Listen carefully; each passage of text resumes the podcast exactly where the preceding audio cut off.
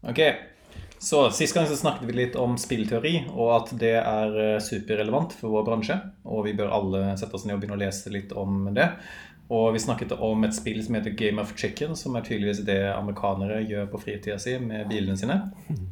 Eh, og denne gangen så skal vi snakke litt om et annet spill som heter Prisoners Dilemma. Hva er det for noe? Jo, Prisoners Dilemma er, eller Fangenes dilemma på norsk, det er, det er den store dronningen av eh, spillteoretiske dilemmaer. Eh, det er en, et tankeeksperiment hvor man ser for seg eh, at to stykker har blitt tatt for et ran. Politiet har litt dårlig med bevis, eh, og finner ut at de skal sette disse to fangene i, i hvert sitt rom og gi dem muligheten til å eh, innrømme at de har begått dette ranet. Eh, og så har da begge, begge, to avtalt på forhånd at de selvfølgelig ikke skal tyste på hverandre. Eh, men kan ikke snakke sammen mer om det. Og da står begge to i denne eh, litt vanskelige situasjonen om at de kan velge å eh, holde munn. Eh, hvis de gjør det, så eh, blir det sånn at de, politiet har nok bevis til å dømme begge to til ett år i fengsel. Så hvis begge holder munn, så eh, går man begge to i ett fengsel. Men hvis eh, du tyster, og han andre ikke gjør det, så eh, får du en belønning som gjør at du slipper ut av fengselet, du slipper straff i det hele tatt. Mens han andre må ta hele straffen, og vel så det, fordi han ikke samarbeidet med politiet. Og han må da sitte i tre år. Eh, og dette gjelder jo begge to, så når du da sitter og lurer på om du skal tyste eller ikke, så vet du jo at eh, det er en sjanse for at den andre tyster på deg. Da risikerer du disse tre årene. Eh, og så har du muligheten til å eh, havne da i den situasjonen hvor begge to tyster på hverandre, og da, da blir det sånn at begge to får to år i straff. Så dilemmaet her, det er jo at eh, det beste, det logiske, det riktige, rasjonelle for begge to, det er faktisk å tyste. Og eh, i og med at det er det riktige, så tenker en rasjonell aktør at den andre kommer til å gjøre det. Derfor må jeg også gjøre det, ellers så får jeg tre år i straff. Så dette er en eh, veldig, veldig utbredt altså, Det høres ut som et veldig, eh, si, veldig uvanlig situasjon å komme i, men den er veldig, veldig utbredt. Ok, Bare for å liksom oppsummere. Så du har to skurker som har brutt seg inn et ja. eller annet sted. Og de har begge blitt tatt. De har begge avtalt at ingen av de skal tyste. De blir satt i forskjellige av, sånn avhørsrom, forskjellige intervjurom. Hvor da politiet sier at uh, hvis du tyster på kompisen din, så går du fri. Kompisen din får tre år. Hvis dere ikke sier noe som helst, så får du ett år. Og du vet at kompisen din har fått samme tilbud. Så hvis begge tyster, så får begge tre år. Ikke sant? Det er problemet her. Eh, hvis begge, hvis begge tyster, så er det to år hver. Begge tyster, så er det to år hver? Ok. Så... Som betyr at hvis du kun tenker på Hvis eh, den andre parten mm. velger å tie Den sier ingenting. Men da eh, For da er det kun to alternativer for deg. Så lenge den tier, så kan du enten tie sjøl, da sitter du ett år i fengsel. Eller så kan du tuste, og da sitter du null år i fengsel. Så da er det det beste valget for deg null år i fengsel. Men, Men hvis den andre velger å tuste, Eh, da har du valget mellom å tie, og da sitter du eh, tre år i fengsel. Eller så kan du òg tuste, og da sitter du to år i fengsel. Sånn at uansett hva valg den andre tar, så er ditt beste valg å tyste. Og det gjelder jo for begge to. Som er da den dominante strategien eh, i dette spillet. Men um, det høres måtte veldig enkelt ut og greit ut. Men som regel så er det mange flere dimensjoner i dette. da. Det vil si, Hvor godt forhold har jeg med han andre kompisen? Hvis jeg ikke liker han, så er det tista uansett hva som har skjedd med meg. Hvis, uh, en annen ting er også at jeg er ikke 100 sikker på at politiet har gitt den andre samme, samme deal som de har gitt meg. Så jeg vet jo ikke det heller. Det er mange flere dimensjoner som ødelegger spillet her litt. da, Og det er ikke det virkeligheten er. At du har ikke perfekt informasjon.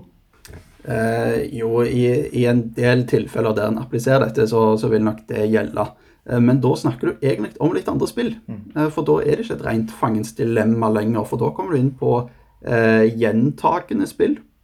Eh, er dette en aktør som du skal uh, møte på ny? Er det broren din f.eks. som du har, har begått uh, denne forbrytelsen sammen med? Så er jo sannsynligheten for å treffe hverandre i familieselskap da, etter at uh, den har stått inne i tre år og du er tysta, ganske stor, og, og, kanskje ikke det blir så hyggelig selskap.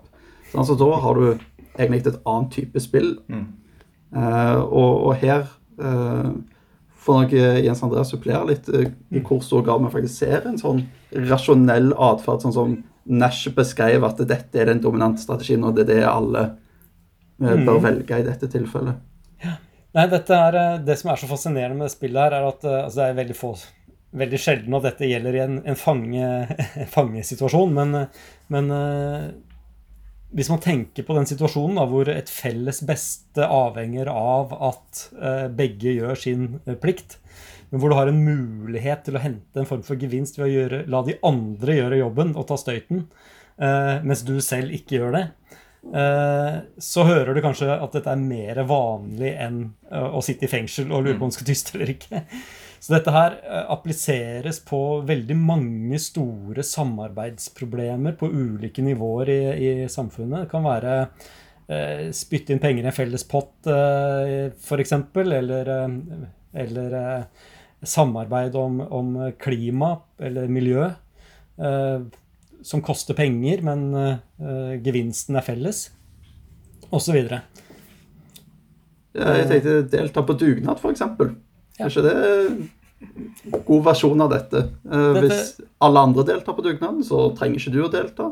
Og hvis ingen andre deltar, så skal i alle fall ikke du delta. Nemlig. Så dette var ganske vanlig. Og, der, og derfor heter også denne, denne situasjonen, da, hvor, eh, hvor, begge tyster og, og, og, bryter ut av samarbeidet, den heter også eh, 'Tragedy of the Commons', eller 'Allmenningens tragedie'. Dette fellesskapet taper eh, pga. denne si, forlokkende muligheten til å trekke seg fra, fra samarbeidet. Men ok, det er ikke så veldig ofte vi har uh, kunder i, fengsel, uh, i fengsel. Og det er ikke så veldig ofte at vi har kunder som driver med dugnadsaktiviteter heller. Så konkrete eksempler på hvordan dette er relevant for vår bransje. Ja, Det er jo ikke så lett å komme på, på det, men du kan tenke deg, ofte så er det jo et samarbeidsprosjekter mellom ulike selskaper i en bransje. man kan der velge å bidra mye eller, eller å trekke seg. Det kan være at eh, Ja, jeg, jeg, kommer faktisk på en konkret situasjon nå, men, eh, men, uh, men det, det, er i hvert fall ett eksempel. At uh, en felles dugnad i en bransje, f.eks., hvor, hvor man spytter inn ressurser for å bygge noe felles, og så, og så har man alltid muligheten til å sitte på gjerdet og ikke, ikke, bidra så mye som de andre. For Men når selskapet sier at hvis ikke vi gjør det, så gjør noen andre det, er det et eksempel på prisoners dilemma? Uh, nei, ikke sånn med en gang, tror jeg.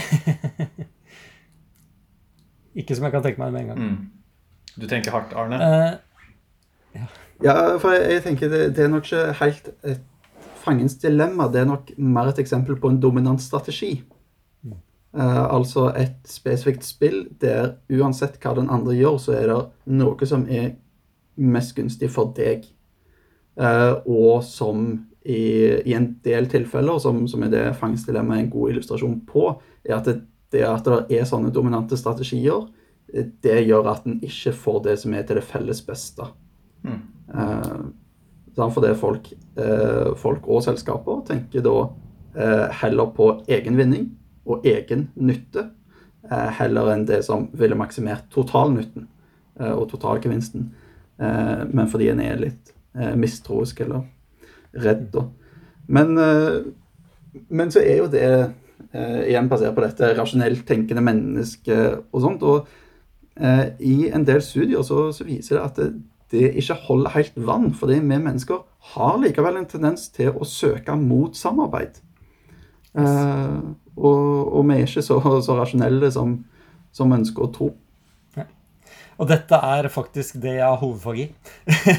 Evolusjonen av samarbeid hos mennesker. Og det, det som er eh, fra mitt fagfelt da, som biolog, er, er at denne situasjonen er den situasjonen som genene er i i forhold til å investere i samarbeid eller ikke. Eh, du er alltid sårbar for at noen bare høster fruktene av din innsats. Eh, og du har alltid fordelen, det potensialet som ligger der. Da. La oss si om det er å hjelpe hverandre til å klatre opp i et tre for å hente ned frukten. Det er, en gevinst der som du ikke får tak i, som er større enn summen av det man putter inn. Som samarbeid kan utløse. Uh, så uh, Og det man har funnet ut uh, Eller løsningen, den evolusjonære løsningen på dette, er det Arne har vært innom flere ganger, at, at dette er et gjentagende spill. Dette er ikke en engangssituasjon. Det er mennesker eller individer du møter gang på gang på gang. Og da lønner det seg å ikke bare være den som tyster, lønner seg å etablere samarbeidet. Mm. Så den, den, dynamikken over tid er en del av løsningen på, på fangenes dilemma. Så hvis vi skal oversette fangenes dilemma til eh, noe som er relevant for vår bransje, så betyr det at det nærmeste er at hvis du er i en situasjon hvor du lurer på om du skal gjøre noe eh, som tjener begge, eller om du gjør noe som skal tjene deg, og du vet at aldri, du kommer aldri til å komme i den situasjonen igjen, så lønner det seg å være egoistisk. Mm. Ja, strengt rasjonelt sett så gjør det det. Eh, så er spørsmålet hvor ofte er du i en sånn situasjon. Og det strider jo, som Arne var inne på, innom, det strider jo mot menneskenaturen vår. Vi, vi ønsker ikke å være sånn. Eh, og vi, og vi, ønsker heller ikke å bli sett, sett i et øyeblikk hvor vi gjør det, hvor vi er kyniske og tar den. Mm. Så, så, det er ikke noe enkel det er ikke noe enkelt svar på dette, på dette. Eller det hørtes veldig enkelt ut for meg. da. Det er, liksom, er det ikke et ordtrykk som er liksom, ta, Vi krysser den broa når vi kommer dit. Så i sånn sett så er det jo bare én situasjon om gangen. Ja, hvis du klarer å få det spillet til å være helt isolert fra, fra resten av omverdenen, så, så, er det jo veldig greit. Men, men selv i de situasjonene så, så har de på The Choice Lab, eh, der folk har muligheten til å Eh, dette er et forskningsprosjekt på, på Norges handelshøyskole, der folk har muligheten til å ta eh, store pengesummer eh, som de har spilt for, for å vinne. Kan ta alt sjøl eller dele. Så, så, velger folk å dele et større beløp enn det som er det rent rasjonelle å gjøre. Og det er en situasjon der ingen observerer dem. Men den rettferdighetsfølelsen som man kanskje har, kanskje overstyrer litt rasjonalitet. Mm. Yes. Og vi skal selvfølgelig da ikke snakke om hva som føles riktig ut å gjøre, og alt det der. Alt handler egentlig om hva som regner seg frem til det mest riktige svaret.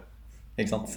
Det forblir det får bli en egen episode hva det føler, hvordan det føles å spille. Ja, ok. Bra. Takk for nå. Right.